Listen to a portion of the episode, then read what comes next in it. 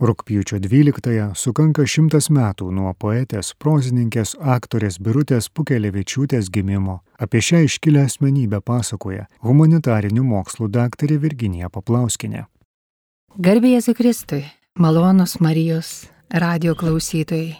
Esu Virginija ir šiandieną noriu Jums papasakoti apie ypatingą moterį, aktorę, rašytoją, režisierę Birutę Pukelevičiūtę. Rūpiučio 12 dieną minėsime jo šimtasias gimimo metinės. 1944-aisiais kartu su tėvais sovietų okupacijos buvo išstumta iš Lietuvos į vakarus. Gyveno Vokietijoje, vėliau persikėlė į Kanadą, toliau į Ameriką. Ir 1999-aisiais sugrįžo į Lietuvą, apsigyveno Vilniuje. Daugelis lietuvių gyvenančių Kanadoje ir Amerikoje dar ir dabar mena šią charizmatišką asmenybę, palikusią ryškius, neišdildomus pėtsakus Lietuvos kultūros ir literatūros istorijoje. Iš daugybės jos teatrinių darbų galima išskirti scenai pritaikytus ir surežisuotus spektaklius pagal Kazio Borotos knygą Baltaragio malūnas ir Balios ruogos Milžino paunksmė, kuriuose jie atliko ir pagrindinius Sonikos ir Jurgos vaidmenis. Išskirtiniu darbu tapo jos sukurtos pasakos Aukso žasis pastatytas spektaklis, o vėliau ir susuktas pirmas lietuvių meninis vaidybinis filmas Išeivijoje. Kanadoje kartu su aktorių kolektyvu sumanė ir įrašė pirmųjų dviejų spektaklių plokšteles. Sukūrė šešias nuteikingas knygelės vaikams ir įrašė pasakų plokšteles Žirginėliai ir antrieji žirginėliai Su šiomis pasakomis išeivėjoje užaugo ne viena lietuviukų karta. Ji parašė keturis romanus - aštuoni lapai, devintas lapas, naujųjų metų istorija, rugsėjo šeštadienis, išleido novelių knygą, tris pieses ir dvi išskirtinės poezijos knygas - Metugės ir Atradimų ruduo. O kur dar parašyti libretai ir vertimai, minėtinas jos iš lotynų kalbos į lietuvių išverstas 20-ojo amžiaus modernaus žymaus kompozitoriaus Karlo Orfo kūrinys Karmina Burana. Išeivijoje jos kūrybiniai nuopelnai apvainikuoti devyniomis premijomis. Sulaukė ir tarptautinio pripažinimo. Vertėja, literatūros tyrinėtoja Birutė Ciplijauskaitė išvertė jos kūrybos fragmentą iš knygos metukės ir įtraukė į pasaulinės poezijos antologiją The Cry of Rachel. Greta Rimbo, Frosto, Itso poezijos prisiglaudė ir mūsų birutės pokelevičiūtės eilėrašiai. Už nuopelnus Lietuvai prezidentas Valdas Adamkus apdovanojo Birutę Pukelevičiūtę Lietuvos didžiojo kunigaikščio Gedimino penktojo laipsnio ordinu. 1992-aisiais, po daugiau negu 50 metų tremties, sugrįžusi į Kauną, atsivežė savo gimtojo namo, esančio Kalniečių gatvėje, raktą. Jį išsaugojo kaip didžiausią turtą. Peržengusi sakralų namus lenksti, tarsi sugrįžo į savo vaikystės ir jaunystės numylėtą Kauną. Pirmas jos kūrybos vakaras ir vyko Kaune Maironio lietuvių literatūros muziejuje. Reiktų paminėti, kad ir paskutinis, jei gyvasint skirtas vakaras, taip pat vyko Maironio namuose. Aš susibičiuliavusi su rašytoja nuo pirmojų jos atvykimo dienų į Lietuvą, palaikiau su ją ir su jos pusbroliu, krikšto sunumi, dabartinio Lietuvos metropolitu Gintaro Grušu artimus ryšius. Su jais buvo aptariami ir palaipsniui perimami archyvai. Buvo aiškinamosios nuotraukos, aptarti dokumentai, rankrašiai. Pukelvičiūtė savo ranką užrašė pastabas ir norėdama užbėgti jos gyvenimo klaitingiems interpretavimams, parašė pluoštus komentarų. Po menininkės mirties Ginteras Grušas leido atsirinkti beveik visą jos medžiagą. Ir dabar jie yra Maironio namuose. Taigi dėkojame garbiam arkivyskupui už tas brangias dovanas. Medžiaga tvarkoma tyrinėjama, rengiamos parodos, atminimo vakarai. Na, o kartu su Gintaru Grušu ruošiami ir įvairūs projektai. Reiktų pastebėti, kad sovietinėje Lietuvoje Birutės Pukelevičiūtės kūryba mažai kam buvo žinoma. Tik retas galėjo slapta gauti, paskaityti jos ramonus. Aštuoni lapai ir devintas lapas. Šiuose romanuose atvaizduotas sovietmečio ir vokietmečio teroras. Taigi, per geležinę uždangą šios knygos labai sunkiai prasibrovi. Kiek vėliau, atgavus nepriklausomybę, Lietuvos rašytojų sąjungos leidikla išleido šias abi knygas vienoje knygoje.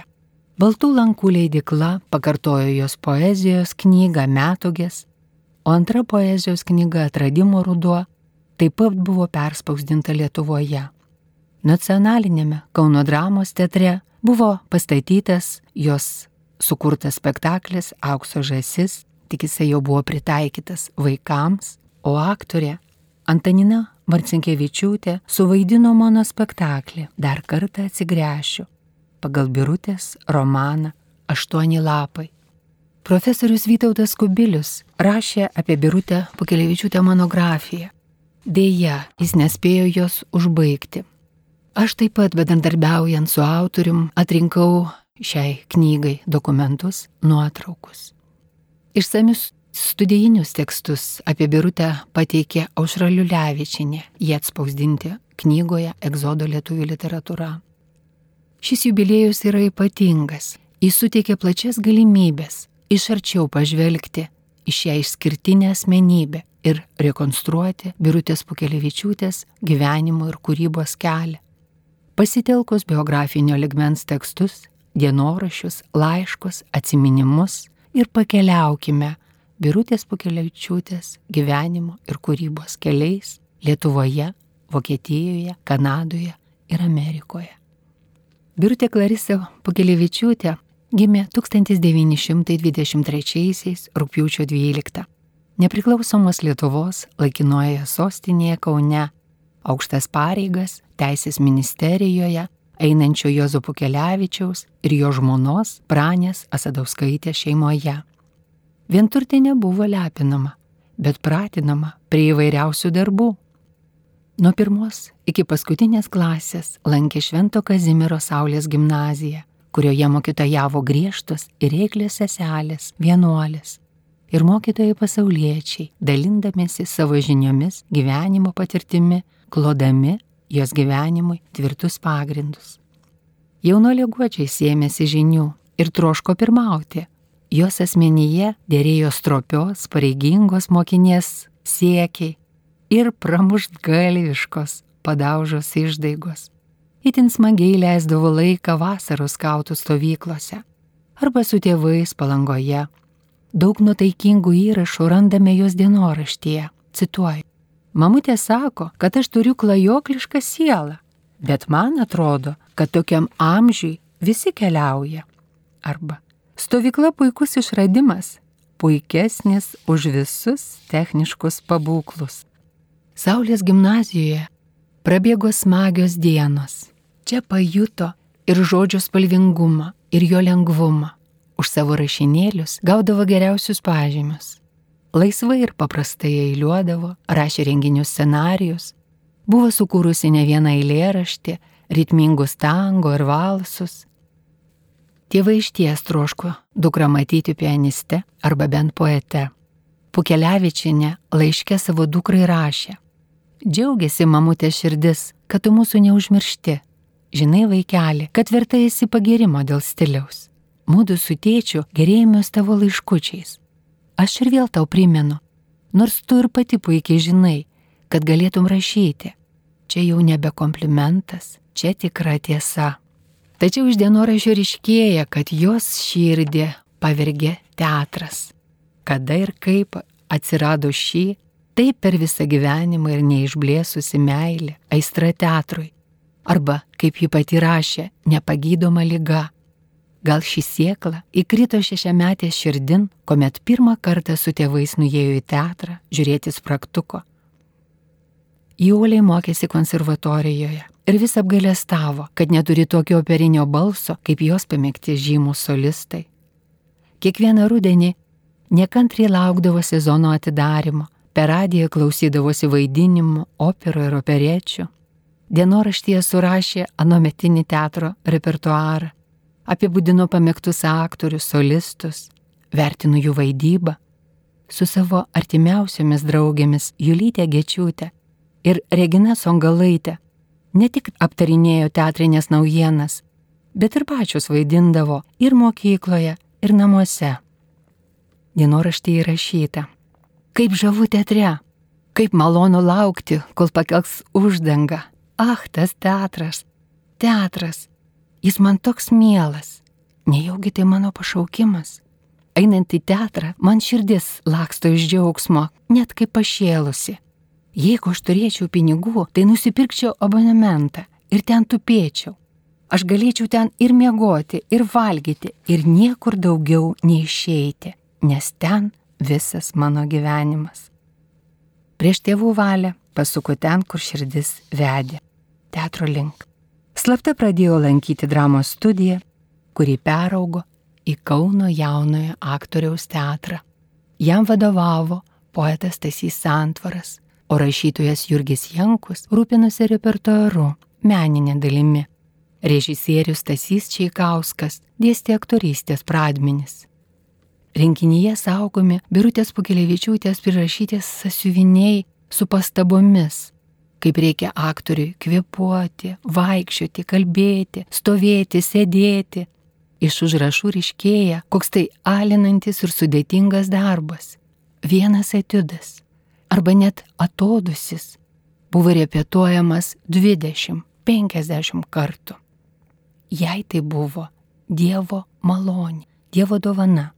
Jį vaidino Čiurlionienės pasakoje 12 brolių jo dvarniais lakščiusių, Kuprevičiaus ir Alės Rūtos operoje Žiogas ir Skrusdės, Bremeno miesto muzikantuose, Sniego karalaitėje ir kitose.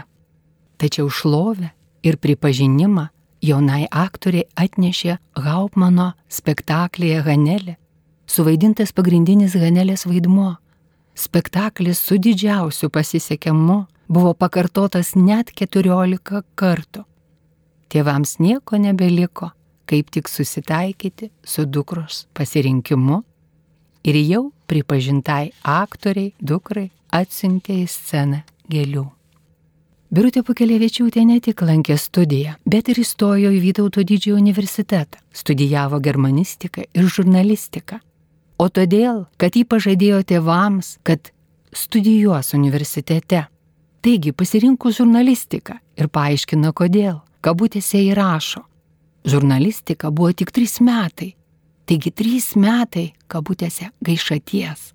O tėvams buvau pažadėjusi, kad teatre galutinai nepaskęsiu, kad vis dėlto baigsiu universitetą.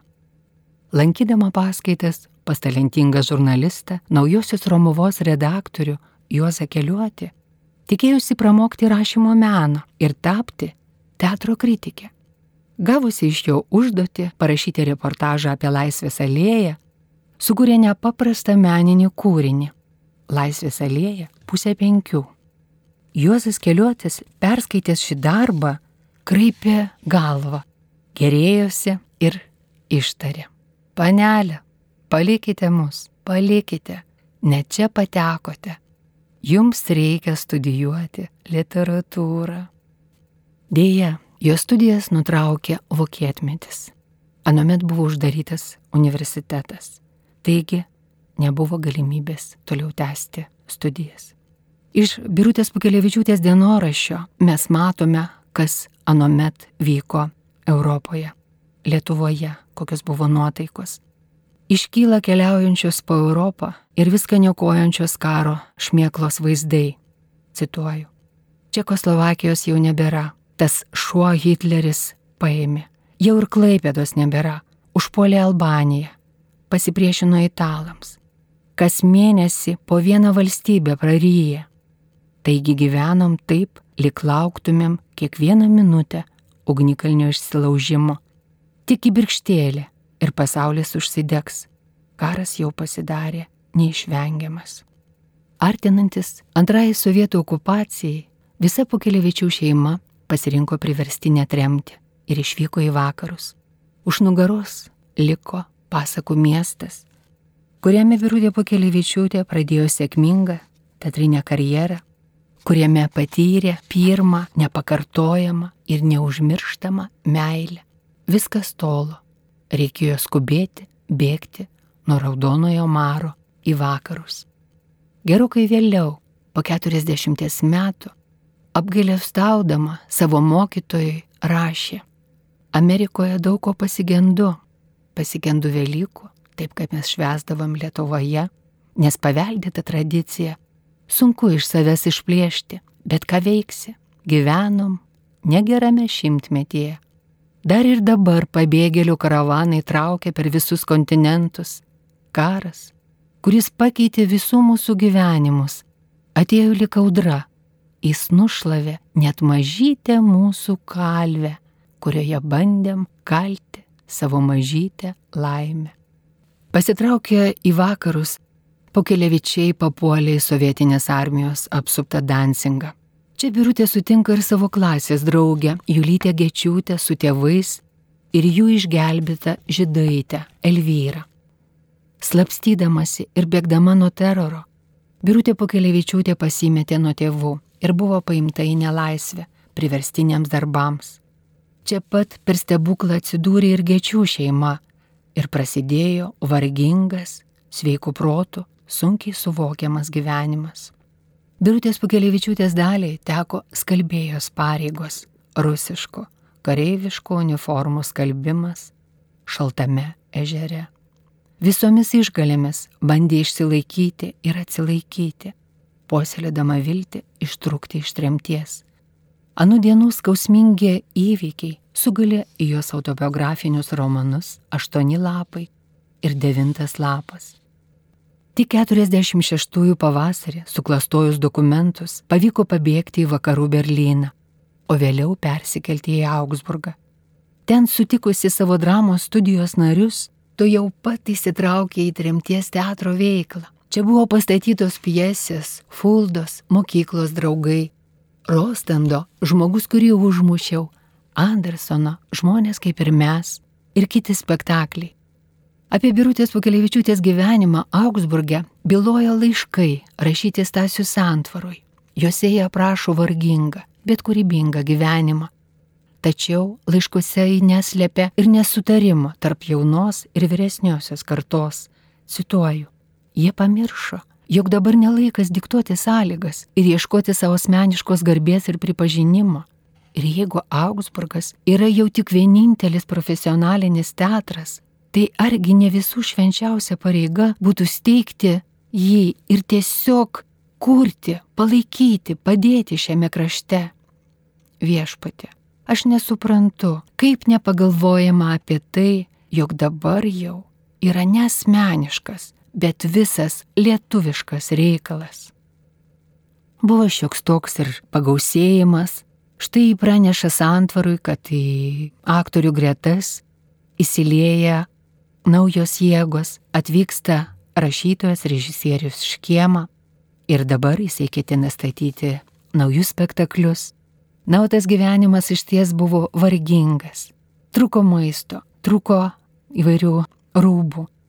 Tačiau gastrolinės kelionės sunkvežimėje buvo iš ties nuotaikingos. O atvykus į vieną ar kitą tipį stovyklą, reikėjo vaidinti. Štai ištraukai iš jos laiško, koks tas buvo vaidinimas. Grimuojamės dulkėtose užkuliuose, drebam nekuriantose scenose, o užsidedam elegantiškas pirštinės ir norim žiūrovą įtikinti, jog tai liuksiuose paskendęs Paryžius. Ir visa tai vadinasi kultūrinis darbas. Draugė tiesiog nesuprantama, kaip mes vis dar įsikibę į tą darbą, lyg be jo prarastas būtų mūsų visas gyvenimas. Ir ji nenuliūsdavo, ji ieškojo šviesulių. Na, štai, ir vėl laiškės antvarų rašo, prisiperku gėlių, apstatau visą kambarį, lašteliu ant nosies galo vokiško dekolono ir lik truputį gedrėja horizontas. Taip atseit ieškau prošvaišių tų vadinamųjų spinduliukų. Birutė Pukelevičiūtė pasirašė sutartį dirbti Kanadoje. Laiškės antvarui apibendrindama tos sunkius praleistus Vokietijoje metus rašė. Aš galiu tik himną pagėdoti jaunai aktorių kartai. Mes atidavėm viską. Ne tik savo energiją, gražiausius metus, ne tik entuzijazmą, bet galbūt ir ateitį. Dabar pradėsim naują lapą - emigraciją. Naują, sunku lapą, bet dėja neišvengiama. Pažiūrėsim, koks bus antrųjų egzaminų rezultatas. Tremtyje turėjom daug gražių norų, bet buvom dar dvasiniai per jauni, kad padėti vadovauti, kritikuoti ar turėti įtakos, žiūrėsim, kam bus lengviau nešti emigracijos naštą. Metai Augsburgė realiai nedaug mums naudos davė, bet gal truputį iššūkdė kaip asmenybės. Birutė Pukelevičiūtė pasiekė Kanados krantus ir to jau pat buvo įdarbinta džiovininkų sanatorijoje Vinipegė. Šią sanatoriją rūpinosi seselės vienuolės. Kaune ji buvo baigusi medicinos kursus, tad turėjo šiokių tokių įgūdžių šiam darbui, bet dėja, širdis troško ir ilgėjosi ko kito. Atlikusi prievalę, to jau pat išvyko į Monrealį. Čia jau gyveno nemažai meno ir kultūros žmonių. Henrikas Nagys su savo žmona Birute, Vytautas Aleksandras Joninas ir jo žmona Monika. Ilgainiui atsirado aktoriai Kazys Veselka, Leonardas Barauskas, Algymantas Dėkinis ir kiti. Birutė kartu su jais sukūrė Montrealiečių teatro trupę. Buvo sumanyta pastatyti škiemos piesę Žvilę, na o vėliau ir jo piesę Pabudimą. Į Kanadą, į Monrealį atvyko ir pats škiema. Deja, šie spektakliai nesulaukė reikiamo dėmesio, o kai kuriuose kolonijose net buvo ir priešiškai sutikti. Antanas Škėma dar Vokietijoje simpatizavęs Birutei ir parašęs jai piesę Živilę, dedikavęs jai tą piesę. Po spektaklio liko pas ją gyventi ir buvo Birutės išlaikomas. Jis bandė čia rašyti savo romaną Balta drobulė. Beveik metus truko šis artimas bendravimas, tačiau įvyko praregėjimas. Birutė suvokė, kad tai svetimas ir atsitiktinis žmogus jos gyvenime Po nesėkmingų praėjusių spektaklių ir asmeninių pergyvenimų ji pasitraukė iš aktyvaus teatrinio gyvenimo, dirbo fizinį darbą ir paniro į rašto darbus. Atsidėjusi rašė savo autobiografinį romaną Aštuoni lapai. Šis romanas laimėjo draugo premiją. Sulaukė jis ir skaitytojų pripažinimo. Tačiau ištikimi bičiuliai, aktoriai Barauskas, Viselka nuolat jai nedavė ramybės, vis kalbino ir prašė sugrįžti į teatrą, nes be jos teatro nebeliko. Be abejo, ši aistra, ypatinga aistra teatrui, degė jos širdyje ir savo draugų palaikoma į vėl su begaliniu entuzijazmu ir naujais sumanimais pasinėrė ir jai artimo pasaulį. Parengė spektaklį pagal Borutos knygą Baltaragio malūnas ir ėmėsi režisuoti gan stambu sruogos veikalą Milžino paunksmė. Vėliau šie kūriniai buvo įrašyti į plokštelę, vėlgi tai buvo jos ypatingas sumanimas. Tai pirmas toks įrašas spektaklių į plokšteles. Baltaragio malūnas buvo įrašytas 1959, o Milžino paunksmė 1960 metais. Birutė Pukelevičiūtė iš ties gyveno teatre, nes jai tai buvo, cituoju, stebuklų šalis. Ten aš ragavau užburto pirago. Nuo vieno kasnelio tapdavau milžinę, nuo kito nikštuke. Kėgliais aplaušiau lokį, pauksuotų kailių, lėkiau liepsnojančių eržilų per debesis, mačiau plunksną, kurį pati rašo. Po balta pušim rinkau demantinius obolius. Teisybės dėlė reikia paminėti, kad gyvenimas nelepino birutę. Sunkiai jinai gaudavo savo sumanimam pinigų, sunkiai išleisdavo ir plokšteles, ir knygas. Įsteigė studiją Darna, leidyklą Darna. Ir tokiu būdu parašiusi šešias knygelės vaikams, nuotaikingas, spalvingas knygelės, įrašė jas į plokšteles - žirginėliai ir antrieji žirginėliai Šios plokštelės iš ties buvo ypatingos ir daugelis išeivių vaikų mokėsi iš šių plokštelių lietuvių kalbos. Daug teko jos daliai.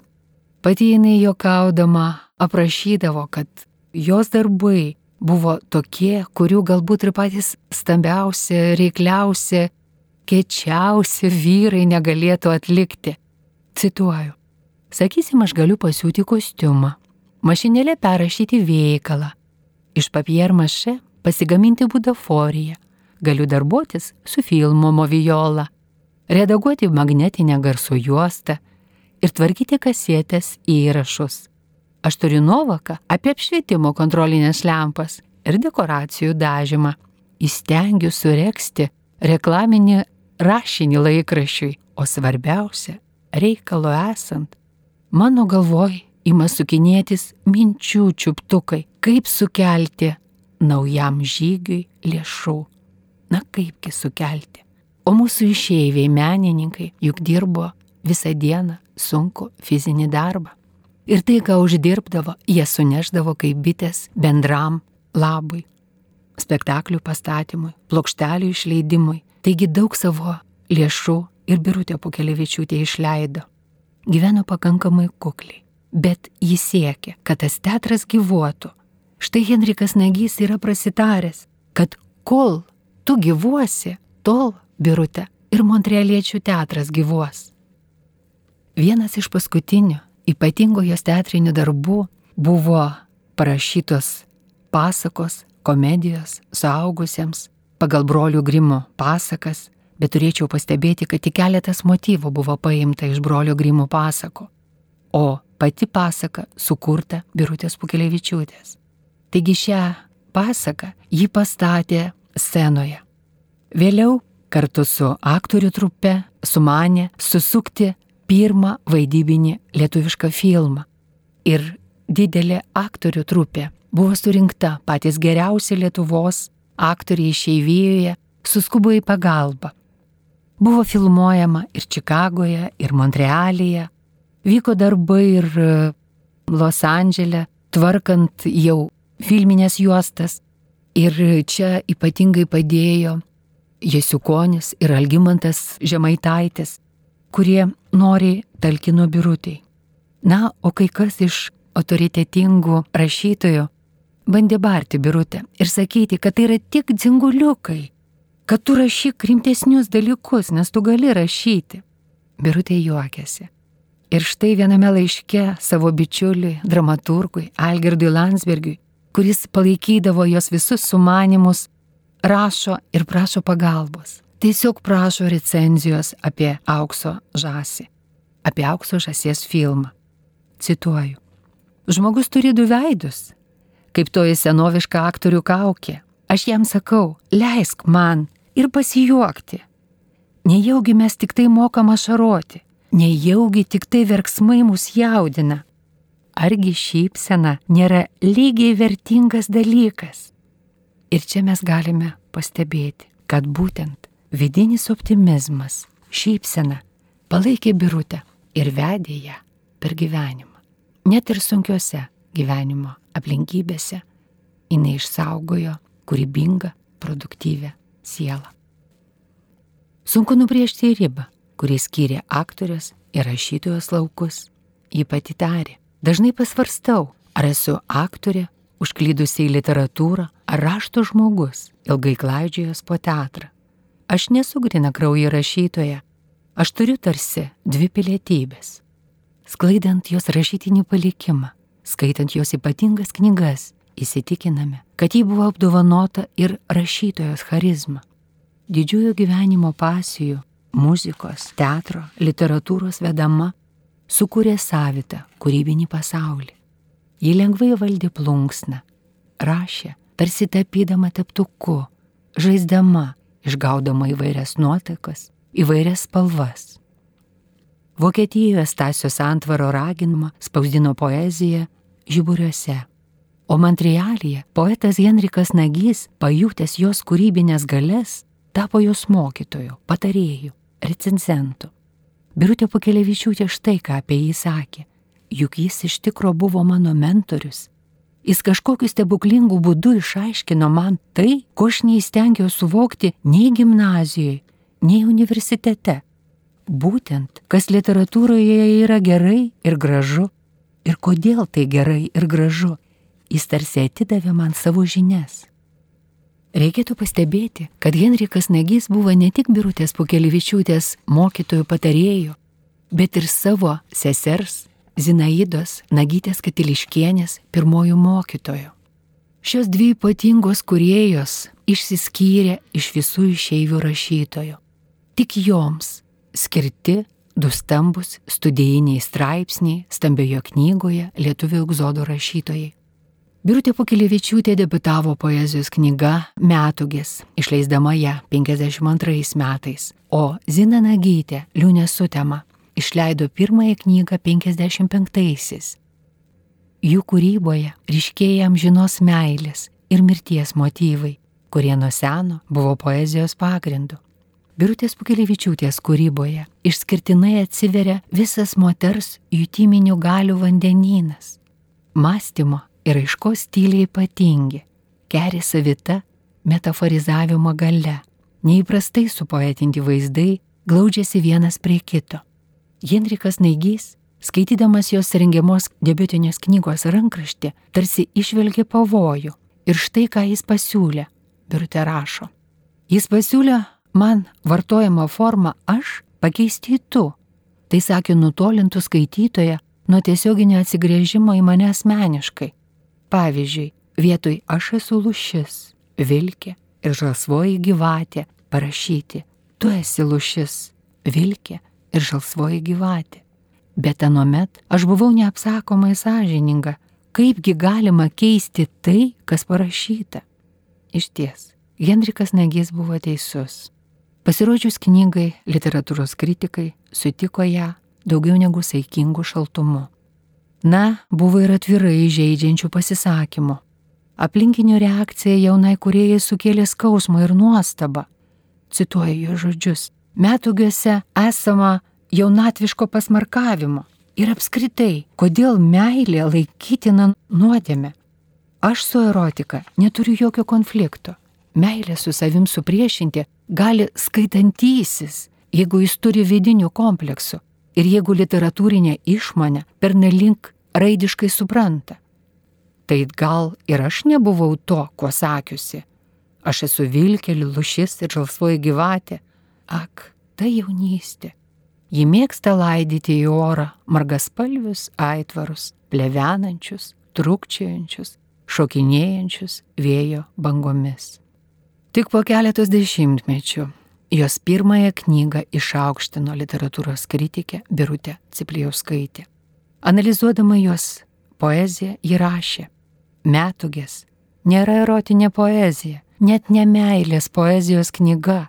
Čia daugiau užakcentuojama kita šiandien keliama tema - moteris kaip neatskirima gamtos, natūralaus pasaulio dalis, dėl to turinti natūraliai jausti ir pergyventi meilė. Sunkiai Birutė Pukelevičiūtė priėmė savo knygos nepriėmimą. Ji yra rašiusi, kad aš nesu feministė, aš esu tik femina. Tas aišku leidžia man kartais savyje pajusti pirmapradiškos jėgos saldumą.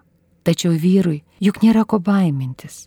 Toji jėga nėra prieš vyrą, priešingai. Yra tik už vyrą. Šioje knygoje Birutė užsirekomendavo kaip reto originalumo didelės drąsos rašytoja, visai naujos poetinės kalbos kurėja. Gal todėl ji ir nebuvo pasveikinta su priderama nuostaba ir džiaugsmu. Ji nutilo ilgiems metams ir pasitraukė iš poetinio lauko. Ji atsidėjo savo autobiografinio romano rašymu.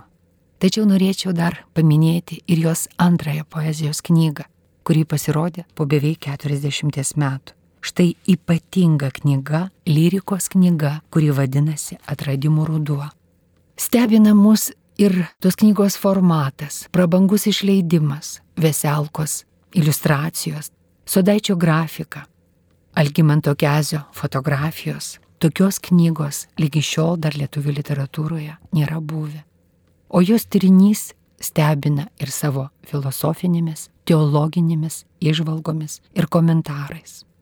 Profesorius Vytautas Kubilius yra rašęs, atradimų ruduo iš tiesų aukštos meninės prabos kūrinys, kuriam nelabai randame vietos įprastiniuose mūsų literatūros kontekstuose. Knygoje trys dalis. Štai pirma dalis - mišios už išdaviko žmoną, parašytos pagal mišių kanoną. Taigi, kokie jausmai, kokios mintis pulsuoja tos moters širdyje. Profesorius Vytautas Kubilius gretina jos šį kūrinį greta Bradūno Mareno ugnis, Meko Semeniškio idilių, Nikos Niliūno balandžio vigilijų ir Matskaus Čepel B. Iš ties, tai yra ypatingas kūrinys. Knygoje atradimų ruduo yra skelbta ir jos jau anksčiau gerokai parašyta rauda. Ši rauda taip pat yra ypatinga. Poetė išaukština karžygių motinas, seseris, mylimasias, kurios aprauda savo artimųjų žūti, kovojant už savo tėvynę.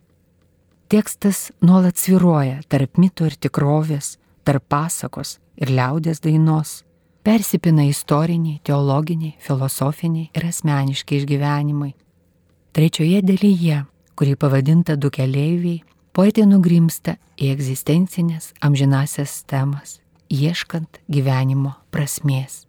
Ši knyga Atradimų ruduo buvo pakartota ir išleista Lietuvoje. Koksgi kelias buvo Birutės Pukelevičiūtės į jos autobiografinius romanus. O tie autobiografiniai romanai iš ties yra ypatingi.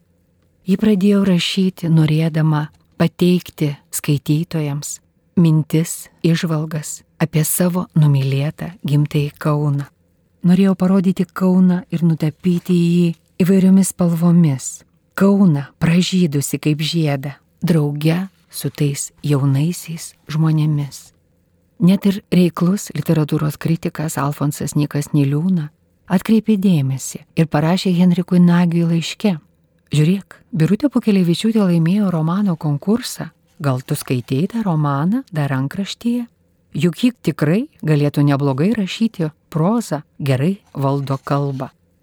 Jos vaizduotė, jos fantazija trikšto per kraštus. Ji rašė, man paaiškėjo gerieji prozos privalumai. Proza ne tik subūrė platesnį skaitytojų ratą, bet ir leidžia man savo tekstuose įvairiopai nuotikiauti. O juk lietuvių proza yra geriausia tada, kai ji yra poezija. Taigi knyga aštuoni lapai galima ir įvardyti poezijos knyga. Jei buvo suteikta išskirtinė forma, iki tol nieko panašaus lietuvių literatūroje nėra buvę. Knygos foną sudaro 45 metų didžioji savaitė prieš Velykas. Darniai sutampa Kristaus kančios prisiminimas su tom žmonių kančiom ir širpiais patyrimais, kuriuos jiems atnešė bolševikinė raudonoji kariuomenė. Taip, tas žmogaus, jeigu jį galima pavadinti žmogumi, sužvėrėjimas, kaip jisai naikino lietuvių gimtai kraštą. Be to dairos viską grobės ir nesivaržęs išniekinti kiekvieną sutiktą moterį. Šiurpus Dansingo, seno ir turtingo Hansos miesto vaizdai iškyla šioje knygoje ryškus pagrindinis Birutės Pukelevičiūtės pagrindinės herojos portretas, taip pat ryškus charakteringas ir jos draugės Julijos Gečiūtės portretas ir jos visos šeimos, taip pat to šeimos išgelbėtos, žydaitės, Elvyros charakteris. Per visą knygą lygiagrečiai eina dvi linijos - šviesus didingi, spalvingi gimtojo Kauno vaizdai ir traugiški įvykiai Dansingė. Knyga Devintas lapas buvo parašyta po keletos dešimtmečių. Jis tarsi pratęsė veiksmą. Veiksmą, kuris vyko aštuoniuose lapuose. Čia jau pasakojama apie tai, kaip buvo pabėgta iš Dansingo, kaip teko kesti vėlgi šalti, nepriteklių. Na ir pasiekus jau Kanados krantus, iškyla prieš akis įsitvirtinimas mūsų lietuvių išeivių Vaizduojama būtis, kasdienybė, tačiau be galo skausmingas ir tėvynės ilgesys, kuris pulsuoja romano puslapiuose. Pasakojimas paremtas kropščiai surinktais faktais, detalėmis, autobiografinė medžiaga.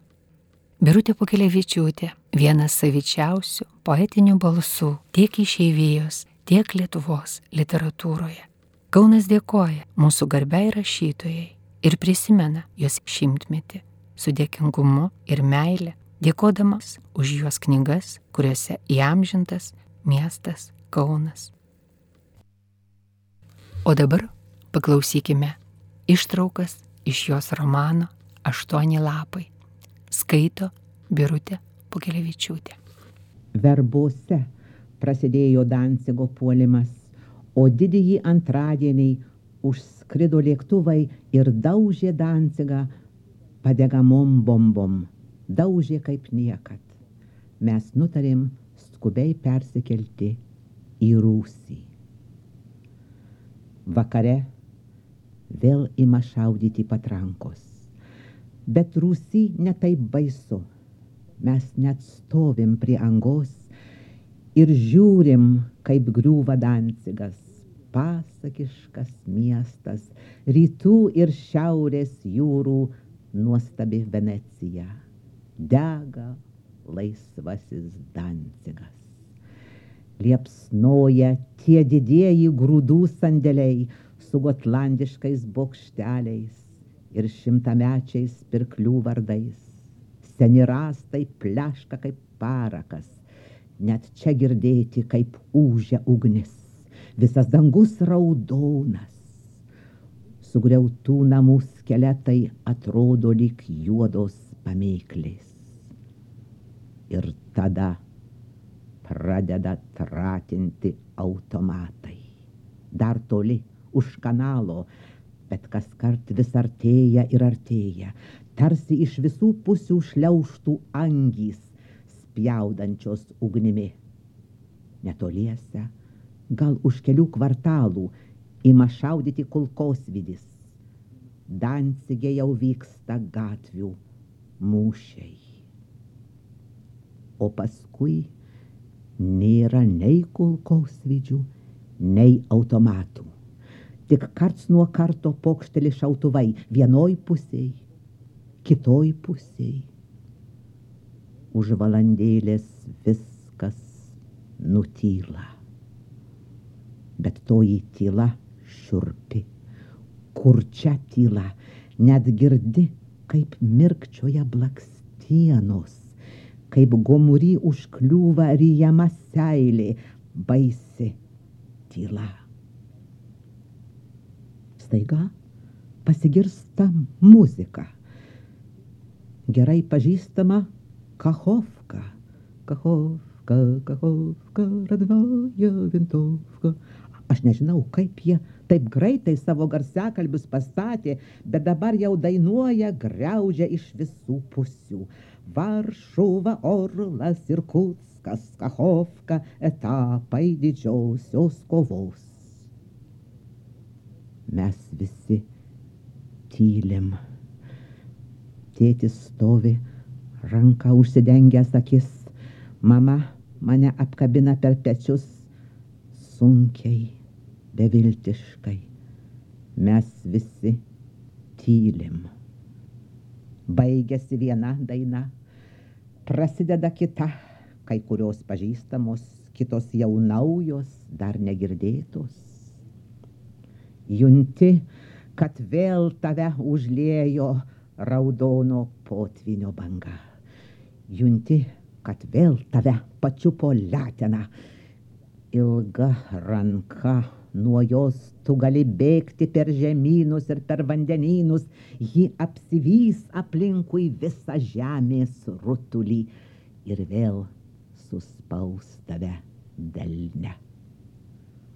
Godus yra naujasis viešpats, jam nepakanka vergo paklusnumo ir tavo rankų baudžiavos. Jis nori pasiglemšti tavo dirksnių raizginius, širdies plakimą, vaizduotės neįžiūrimus pavydalus, kur knipžda mintys, lyg nuo virkščių dar net plėšti naujagimiai. Jis tyko tavo sielos, sielos. Nes jeigu tu į jį neįtikėsi. Jis bus tik nutrinta raidė, tik padalintas skaičius, tik tai išsemtas šulinys. Ir tas didžiulis tavojo tikėjimo troškimas yra jo pražūtis ir jo bejėgiškumas. Uždeda vėl kitą plokštelę. Dabar dainuoja vyrai ir moterys. Ritmas lėtas, iškilmingas, neatrodo, kad tai būtų žygio daina. Tėtis atsisuka į mane. Naujasis jų himnas, sako jis, vietoj internacionalo. Garsiakalbis turbūt yra visai netoli, žodžiai aiškiai girdimi, ten dabar jau gėdama ir apie tėvynę, apie plačiąją Rusiją, kurios laukia pergalė ir šlovė, žodžiai, kurių jie anksčiau niekur neminėdavo. Ir aš staiga pajuntu, kad jie rusai, rusai, kad jie kitaip vadina medį, dangų, duoną, lietų, kad tai seni ir nuožmus mūsų priešai, tos pačios gentys, Nuo Žitomyriaus, Smolensko ir Maskvos tie patys Dimitrijų ir Vasilijų pusiau totoriški pulkai, Jono opričninkai, prie balno prisirišę šluotražį ir šunies galvą, Kotrynos raiteliai su kazokiškom kepurėm, tie patys, tie patys rusai. Vėl kartojo paskutinį posmą Mes mūšiuose nulėmėm ainiams likimą, mes savo tėvynę nuvesim garbin. Niekad aš taip nejutau savo tautybės, kaip tą naktį degančiame Dancigo mieste.